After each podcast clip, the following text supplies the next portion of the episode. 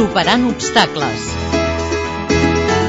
Es calcula que un 10% de les persones que pateixen problemes greus d'audició també en tenen de visió. A Catalunya, les persones sorcegues podrien ser unes mil.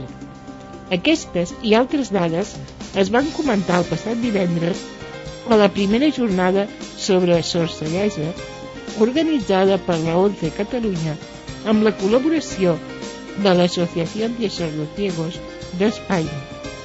Estava adreçada a professionals, estudiants interessats en aquesta temàtica, també com a familiars i persones properes a aquesta discapacitat. L'objectiu era sensibilitzar els professionals i donar-los eines i recursos per a poder actuar i atendre les necessitats d'aquest col·lectiu.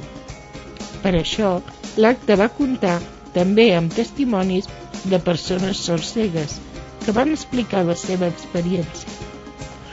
La sorceguesa és una discapacitat que resulta de la combinació de dues deficiències sensorials, la visual i l'auditiva.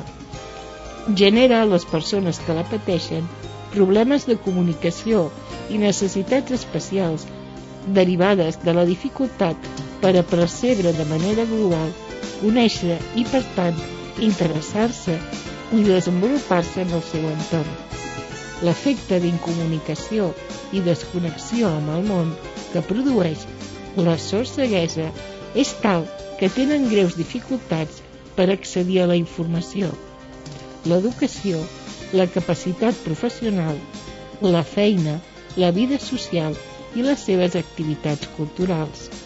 I més quan l'actual societat basa gran part de la informació en impactes visuals i auditius.